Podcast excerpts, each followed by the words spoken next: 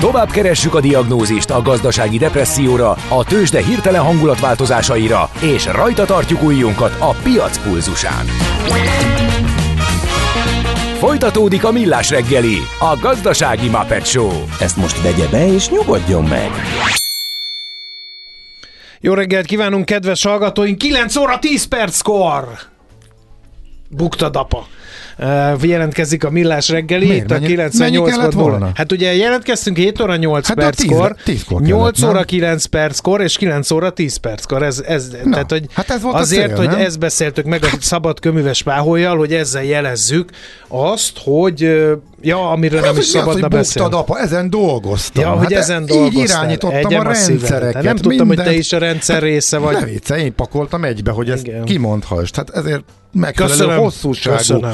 dolgok. Köszönöm. Ugye, na hát, így, így Köszönöm, köszönöm, és a Parazolt külön köszönöm, nagyon kedvelem ezt a felvételt, és más is írta, hogy, hogy mi vagyunk az egyetlen rádió, akik játszanak, Parazolt, köszi szépen, hát igyekszünk a hallgató közönség kedvére tenni. Ez a Millás reggel itt a Rádió Café 98.0 Nács Gáborral, És Mihálovics Andrással. meg a hallgatókkal 0636-os 980 980 ez az SMS, WhatsApp és Viber számunk is ide lehet írni e, üzeneteket, ha éppen úgy, vagy ahhoz van e, érke, érkezése, úgyhogy megadta a hallgatóság az engedélyt, hogy nem kell lehalkítanod, Gábor. Maradjon csak bekapcsolva De, az a, megold- ne, nehogy valami gond e, legyen emiatt. Aztán gyors közlekedési körkép, baleset az Izabella utcában korábban történt, de a hatása máig érezhető a 6. kerületben a Szófia utcánál. A Pázmány Péter utcában a 15. kerületben is van egy közlekedési baleset, illetve a Fogarasi úton is baleset történt, nem is olyan régen befelé a Kerepesi út előtt a külső sávban torlódásra kell számítani. No, hát akkor menjünk tovább, az én napom van ma több szempontból is. No, ecsim, azt gumicsimmád van-e? Hát azt tudod, mi az az üsző? Aztán acatolót forgattál-e már? És azt tudod-e, milyen magas a dránka? Na majd, ha Mihálovics gazda segít?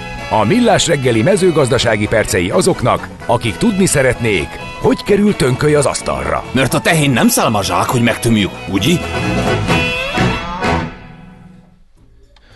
Nagyon hosszú ideje mondogatják a hozzáértők, hogy a termőföld az az egyik legjobb befektetés, mert e, ugye véges erőforrásról van szó, és ezért mindig stabil áremelkedésre le lehet számítani a termőföldek esetében. Hogy ez tavaly is így volt-e, hogyan alakultak a földárak Magyarországon, arról fogunk beszélni Sáhó Lászlóval, az Agrotax Kft. ügyvezetőjével. Jó reggelt kívánunk! Jó napot kívánok, üdvözlöm a kedves Jó, hallgatókat. hát először is az Agrotex, vagy Agrotax Kft-nek a földpiaci elemzéséről szeretnénk kérdezni, de ez mióta készült, és tulajdonképpen mi a célja ennek? Ezt a kiadványt körülbelül hat éve adjuk ki. A célja tulajdonképpen egy általános tájékoztatás, egy országos körkép. Ez tulajdonképpen egy statisztikai kiadvány.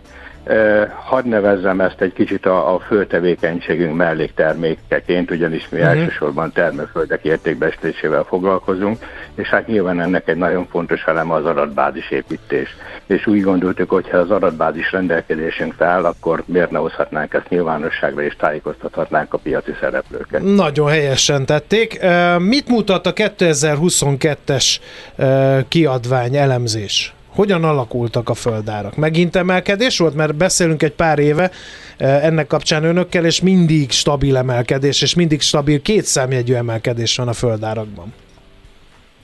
Hát ugyanezt tudom megerősíteni, tehát tulajdonképpen a, a tavalyi számok is a hosszú távú trendre e, igazodnak, aminek nagyon egyszerű oka van, és sokan kérdezgetik is ezt tőlünk, hogy hát vajon most ez az erős infláció, ez meglátszik-e a földárakba.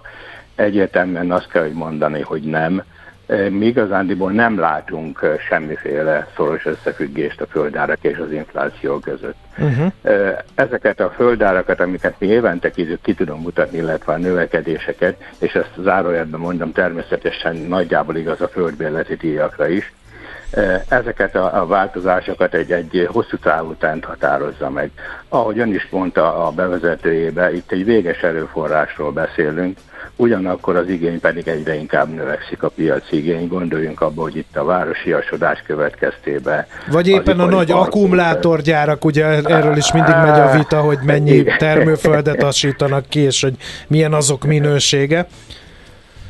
Igen, tehát folyamatosan csökken a termőföld, de természetesen ez nem magyar jelenség, ez a világban mindenhol így van és még erre rátesz egy lapáttal, ha úgy tetszik, a klímaváltozás is természetesen.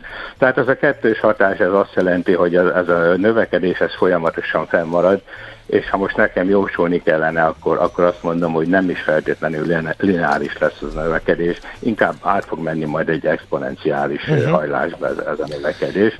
És itt természetesen az évenkénti kilengések nem nagyon jelentkeznek. Ahogy az előbb említettem, az infláció esetében tehát most nyilván nem fogja követni a 15-20% közti inflációt sem, de ez akkor is igaz volt, amikor 3% alatt volt az infláció néhány évvel korábban. Igen. Mennyire uh, likvid a földpiac Magyarországon? mert hogy, hogy erre is szokták mondani, és erre a kormányzat próbál ezen változtatni, hogy hogy lehessen földet vennie minél könnyebben azoknak, akik, akik tényleg ebből szeretnének megélni, és a gazdasági hátterét biztosítani az agrárvállalkozásoknak. De hát ugye itt egy ilyen koncentrációt is elősegítő módszerre is felhívnám a figyelmet, hogy ugye az osztatlan közös tulajdon szabályozást is átalakították pont ennek érdekében. Ennek, ezeknek látszanak a nyomai? Tehát van egy földészség Magyarországon, pörög a piac, ha úgy tetszik, mert elég magasak az árak. A földészség ez természetesen megvan. Na most itt nyilvánvaló, hogy ön az osztatlan közöst említette.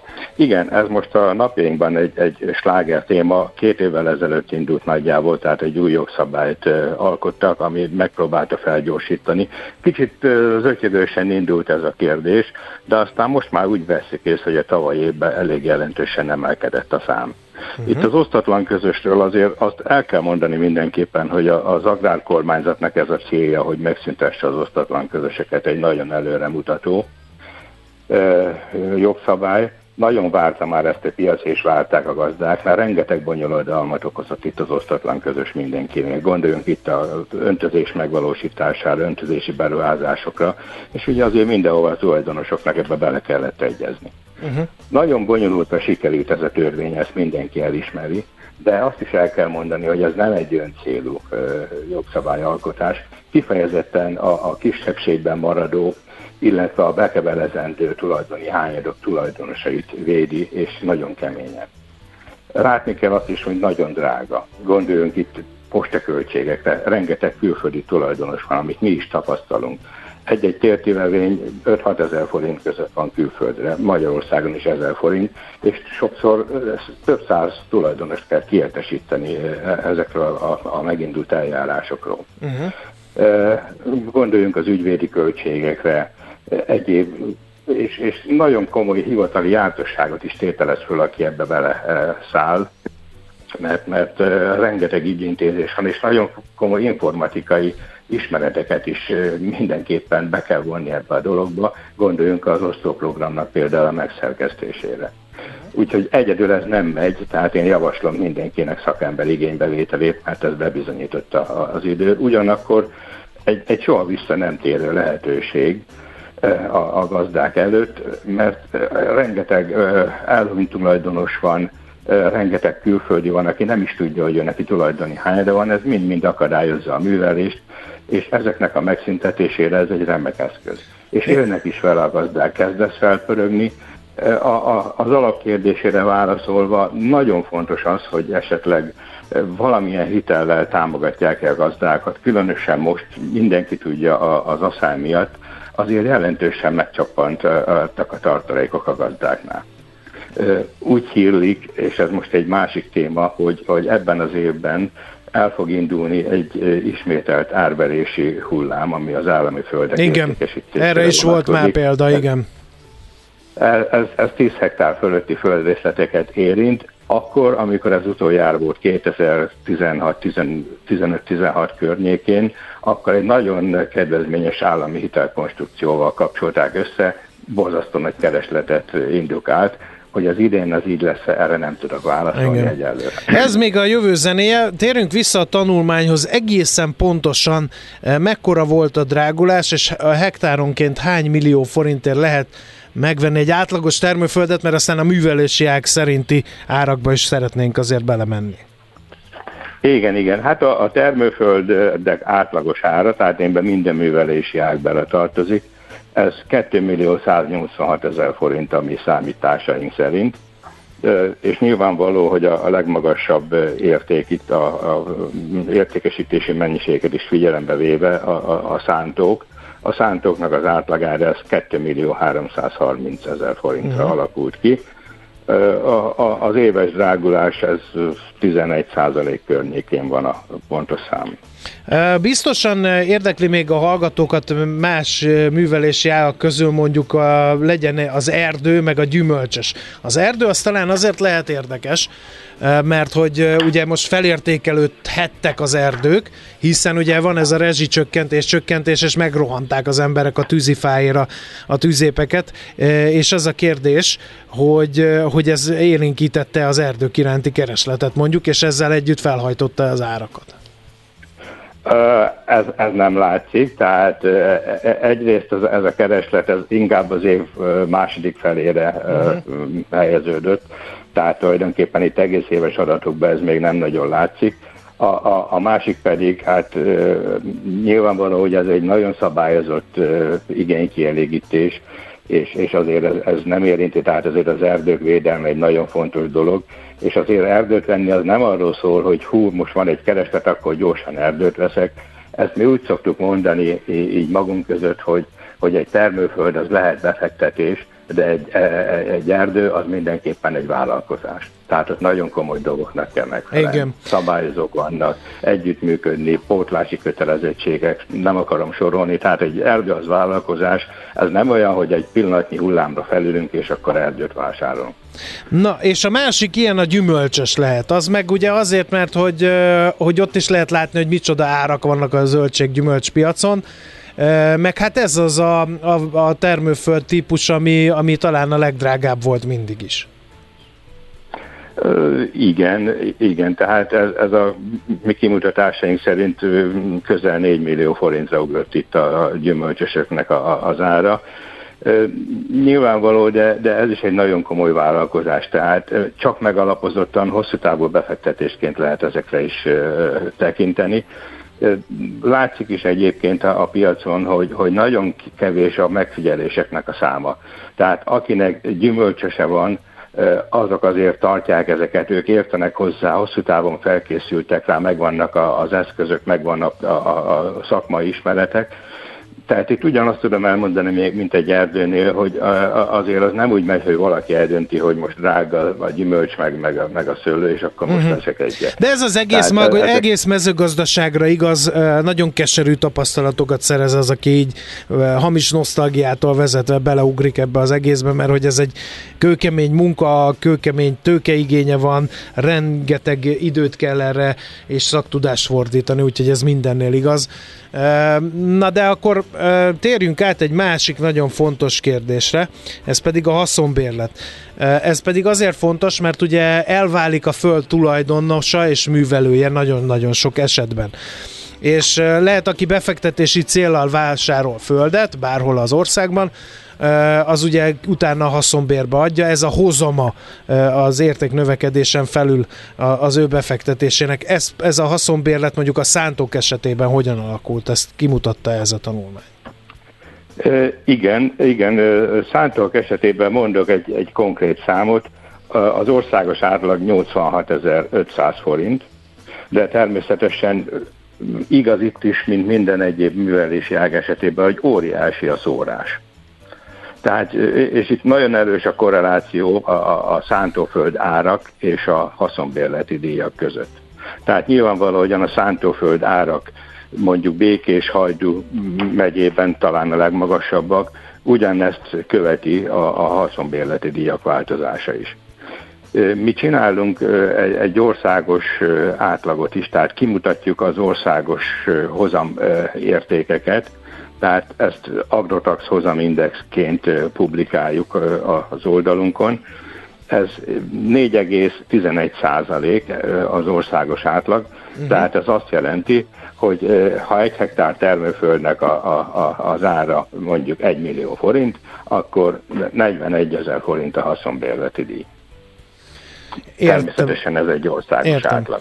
Megint csak a haszonbérleti díjról, meg az árakról jut eszembe, hogy nyilván azért nem egységes ez a, ez a földpiac sem Magyarországon, ahol semmi sem. Hol van inkább nagyobb kereslet most a földek iránt? Ahol jó minőségű van, és egy tagban lehet viszonylag nagy területet venni, vagy más mozgatja ezeket a piaci viszonyokat? Ezt, ezt nagyon nehéz megfogalmazni, tehát nem, nem feltétlenül egy elemet lehet itt kiemelni, hogy mi alapján mozognak.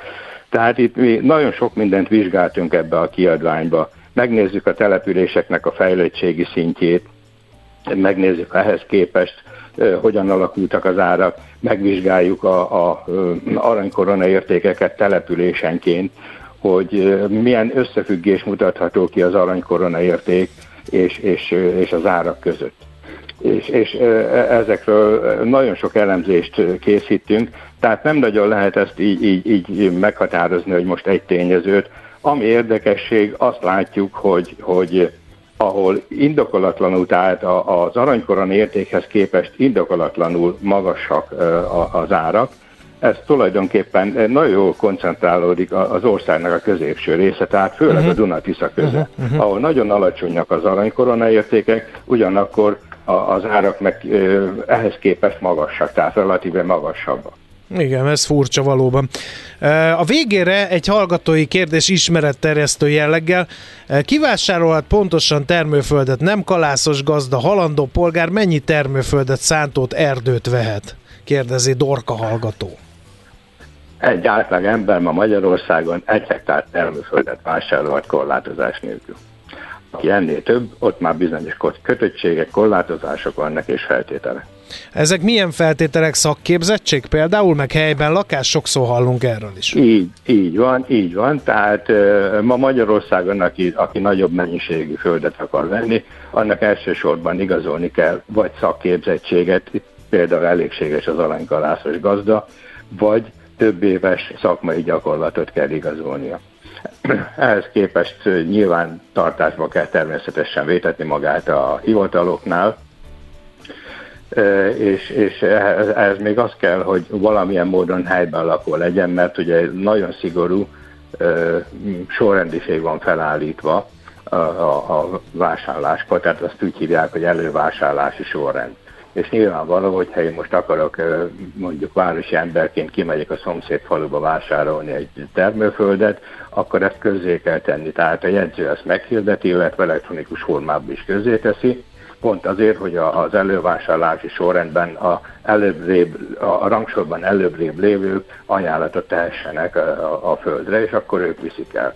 Tehát nyilvánvaló, hogy valahol a sor elején azok a gazdák állnak, vagy azok a, a Aki gazdálkodik, meg helyben lakik. Ott laknak, igen. helyben lakik, és még nem is biztos, hogy csak gazdálkodik, hanem ezen belül is kiemelt, aki, aki ökogazdálkodással foglalkozik, kiemelt, aki állatokat tart, tehát tulajdonképpen ez határozza meg a sorrendiséget. Engem.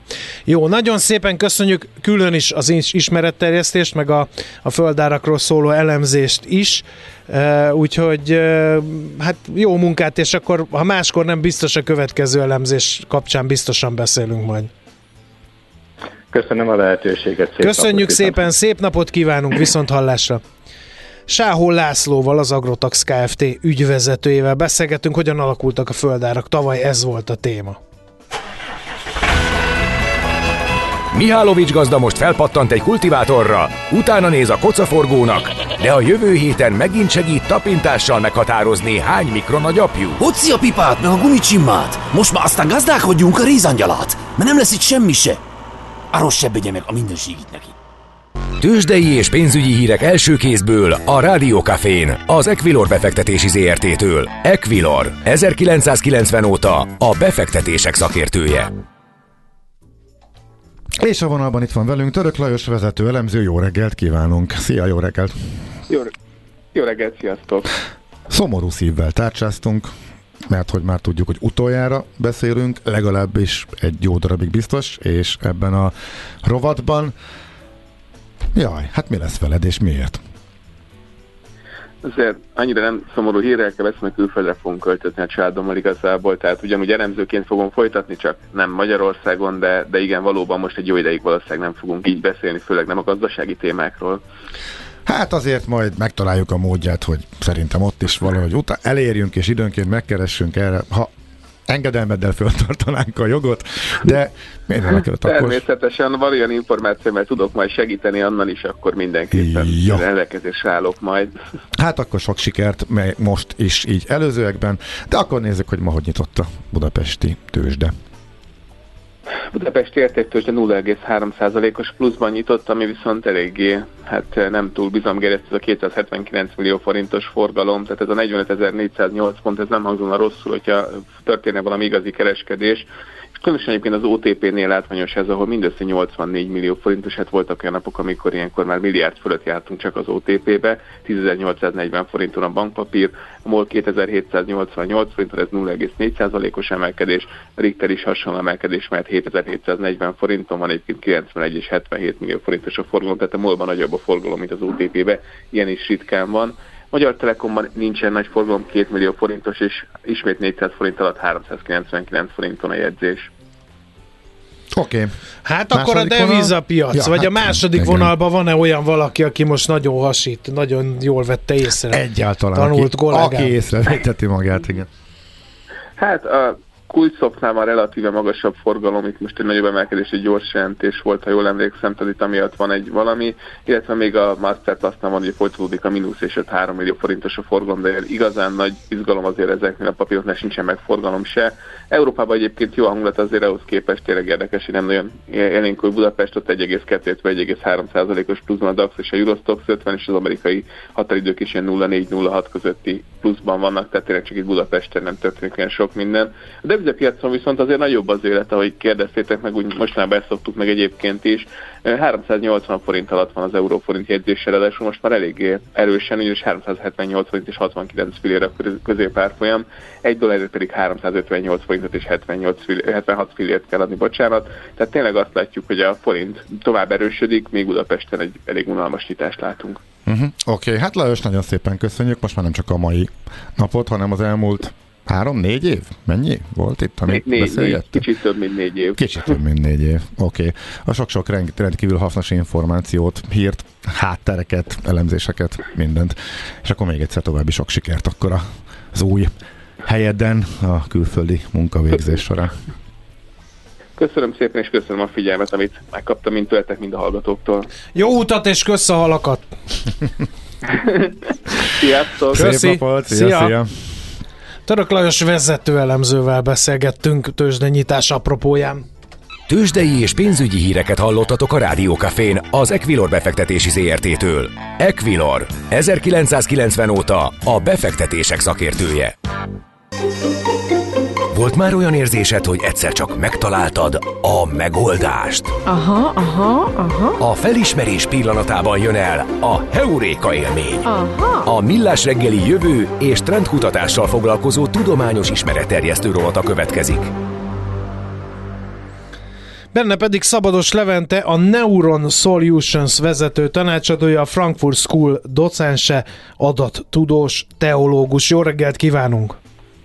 Jó reggelt, sziasztok! Nem kisebb a feladatod ma, mint hogy megfejtsd nekünk, hogy mit jelent a mesterséges intelligenciát alkalmazni. Hát alkalmazzuk, mert már éber diákok a chat GPT-vel beadandókat írnak. Akkor köszönjük a beszélgetést, ennyi volt, hogy mindenki alkalmazza, mert túl vagyunk mindenen? Igen, egy kicsit egyébként az az érdekes, hogy, hogy úgy jártunk, mint a gyerekrajzfilmben, amikor a főhősök végig a menekülésüket tervezik a nagy óceánba, és amikor a végén egy csomó zacskóban átgurulnak az úttesten, és belecsobbannak az óceánba, akkor a Naua kérdésére jutnak. Igen, és ott van vége a van? filmnek, Tehát- igen. Így van, így van. Tehát ott van vége a filmnek, hogy jó, és akkor most mi van? Most örülünk tulajdonképpen, hogy sikerült? Mert hogy eddig az volt a nagy cél, amit üldöztünk egy kicsit szakmailag is, na nem azért, mert ez lenne a legjobb cél, hanem inkább azért, mert jobb ötletünk nincs, hogy az embertől megkülönböztethetetlen, szöveget generálni képes rendszert hozzunk létre.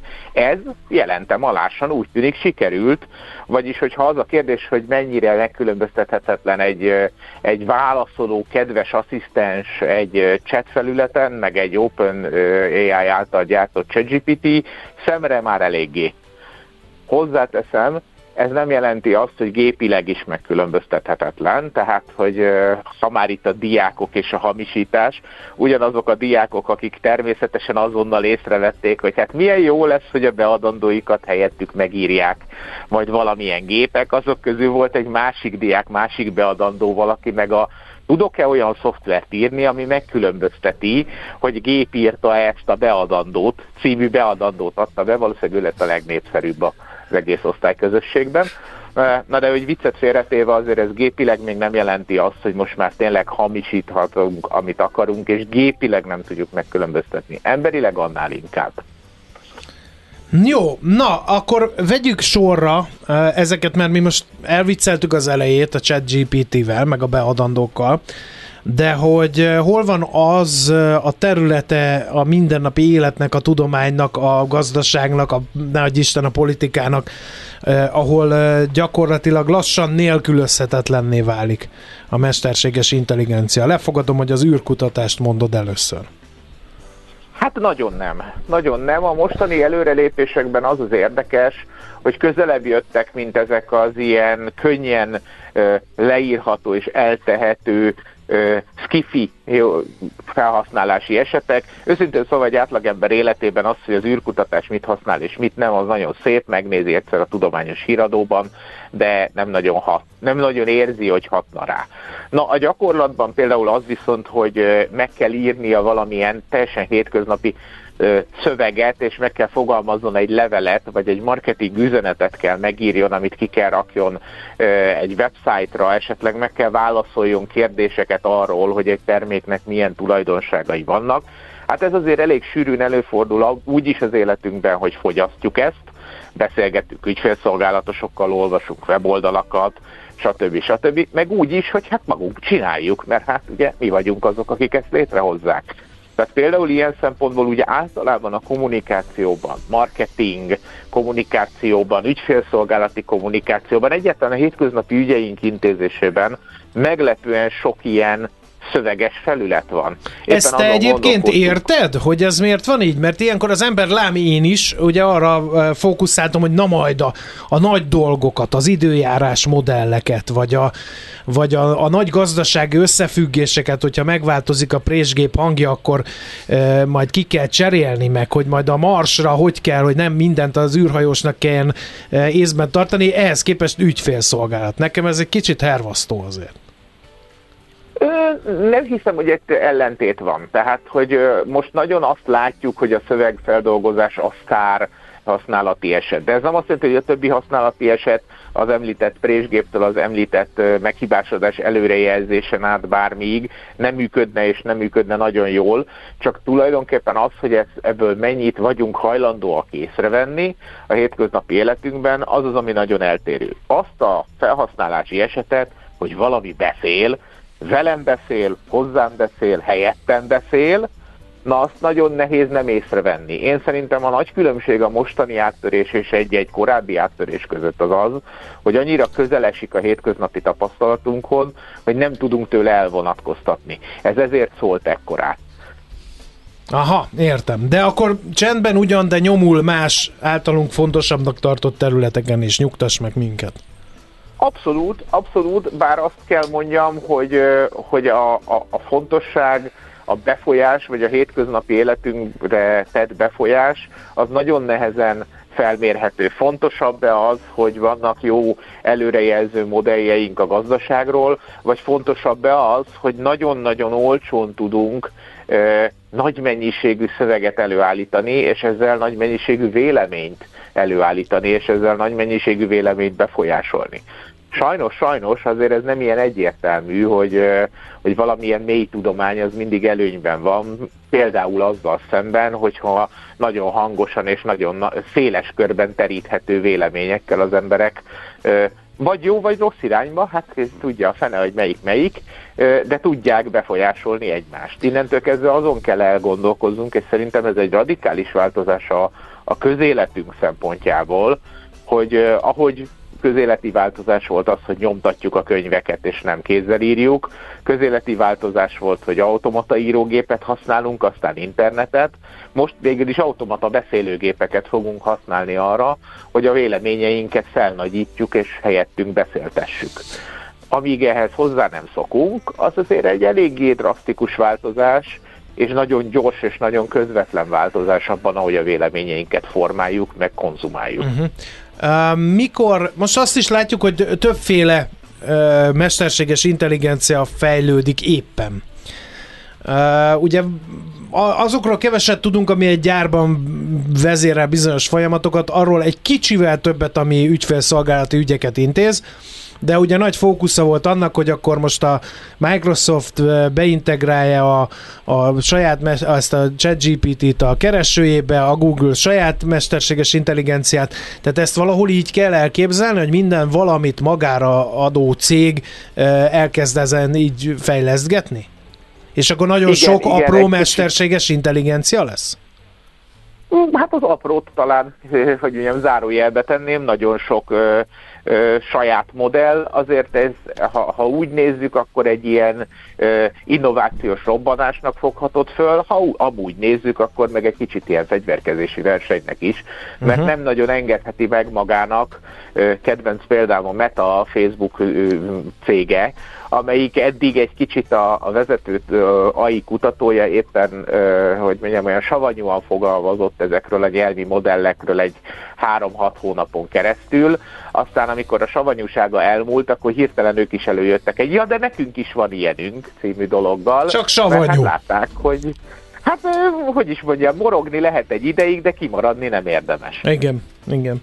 No, és mikor jön elő az, hogy egy ilyen széles körű mesterséges intelligencia áll elébünk, mondjuk amilyen sci-fi filmekben van, hogy bejön a hibernációs álomból éppen felébredt űrhajós, betántorog a vezérlőbe, és azt mondja, hogy mit tudom én, Tiborkám, akkor nevezzük a mesterséges intelligenciát Tibornak. Tiborkám, akkor légy szíves, mondd már el nekem, hogy mi lesz a mai menü, és egyébként az Alpha Centauri az még milyen messze van és akkor Tibor mindenre felel. Tehát, hogy ez, ez, ez nagyon utópia?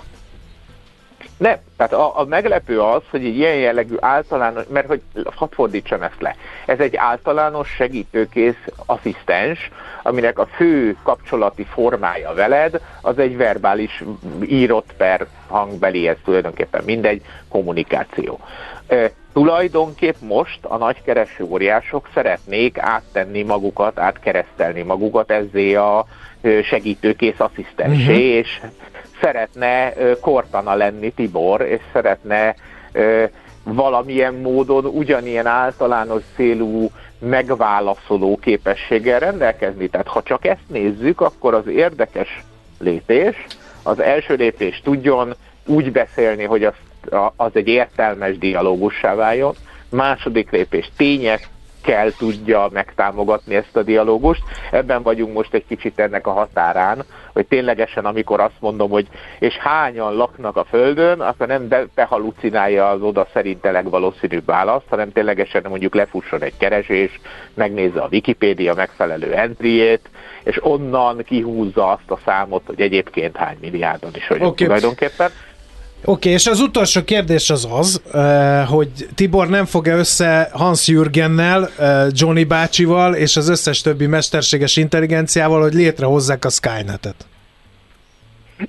Nem, ám, de valószínű, hiszen azért várj, vagyunk be őszintén, hogy továbbra is a, a, ez, ez ilyen inger válaszmódon elképzelhető, hogy valamilyen ingereket adunk egy, egy ilyen papagáj jellegű doboznak, ami utána egy visszapapagájkodja a, a, az ingerre a választ. Tehát azért szó sincs arról, hogy valami belső aktivitásra per szándéka per működése lenne anélkül, hogyha mi ingereljük.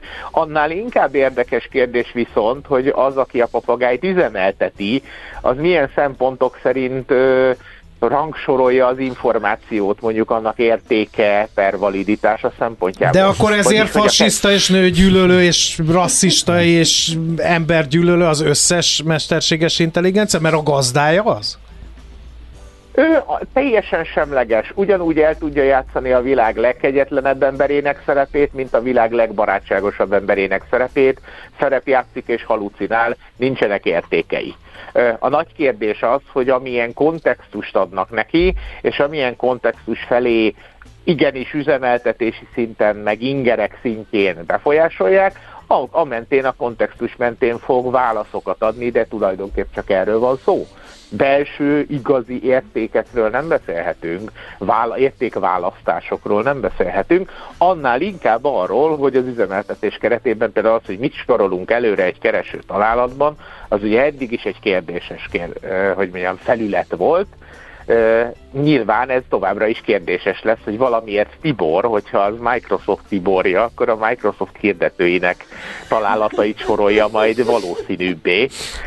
Úgyhogy vigyáznunk kell Tiborra, hiszen Tibornak is meg lesznek a maga befolyásoló tényezői. Őrület! Komolyan. A általános derültség a stúdióban, úgyhogy jól sikerült a beszélgetés, úgy ítélem meg. Folytatása következik. Köszönjük szépen az ismereteket, Levente. Köszönöm szépen! Minden sziasztok, jót, szép szervusz. napot. Szabados Levente adatudós teológussal beszélgettünk, mit is jelent a mesterséges intelligenciát alkalmazni. Erről volt szó. Heuréka élmény. A Millás reggeli jövő és trendkutatással foglalkozó tudományos ismeretterjesztő rovata hangzott el. Aha, aha, aha. No kérem, hát ennyi fért a szatyorba ma reggel, ebből kellett reggelit készíteni, amit ide szortunk elő, elétek, úgyhogy osszátok be szépen holnap reggelig, mert 6.30-tól természetesen holnap reggel is millás reggeli. Én meg a kántor leszünk, úgy láttam a beosztást, javíts ki Gabikám, ha tévedek. Nem tudom, én nem, az biztos. Úgyhogy van. Ez innentől, ennyi elég innentől is. kezdve 66% eséllyel, igen, Igen. Te leszel. Aztán uh, utánunk még jön, el ne felejtsem elmondani, uh, Fehér Marian műsora pont jókor, de Marian beteg, e helyről is jobbulást kívánunk neki, úgyhogy kénytelen, kelletlen ismétlésekkel fogunk szórakoztatni benneteket. 10 órától Boglacsik tíme a kapcsolati erőszak és emberkereskedelem szakértő vel készült beszélgetés, ami január 26-án volt adásba, ezt ismételjük, illetve 11 órától Regős Judit családi tanácsadó, gyermekvédelmi szakértő, a Szülők Háza Alapítvány elnöke lesz velünk, ez is felvételről fog menni, ez január 17-én készült ez a beszélgetés, reméljük hamar felépül Marian, és újabb és érdekes vendégeket fog majd nektek prezentálni. Most jön nem sokára Czoller Andi hírcsokra, azt fogadjátok oly vidáman, mint ahogy ő ezt összeállította, és akkor a GDP termelésről meg ne feledkezzünk meg, mert különben dübe jövünk. Köszönjük, sziasztok!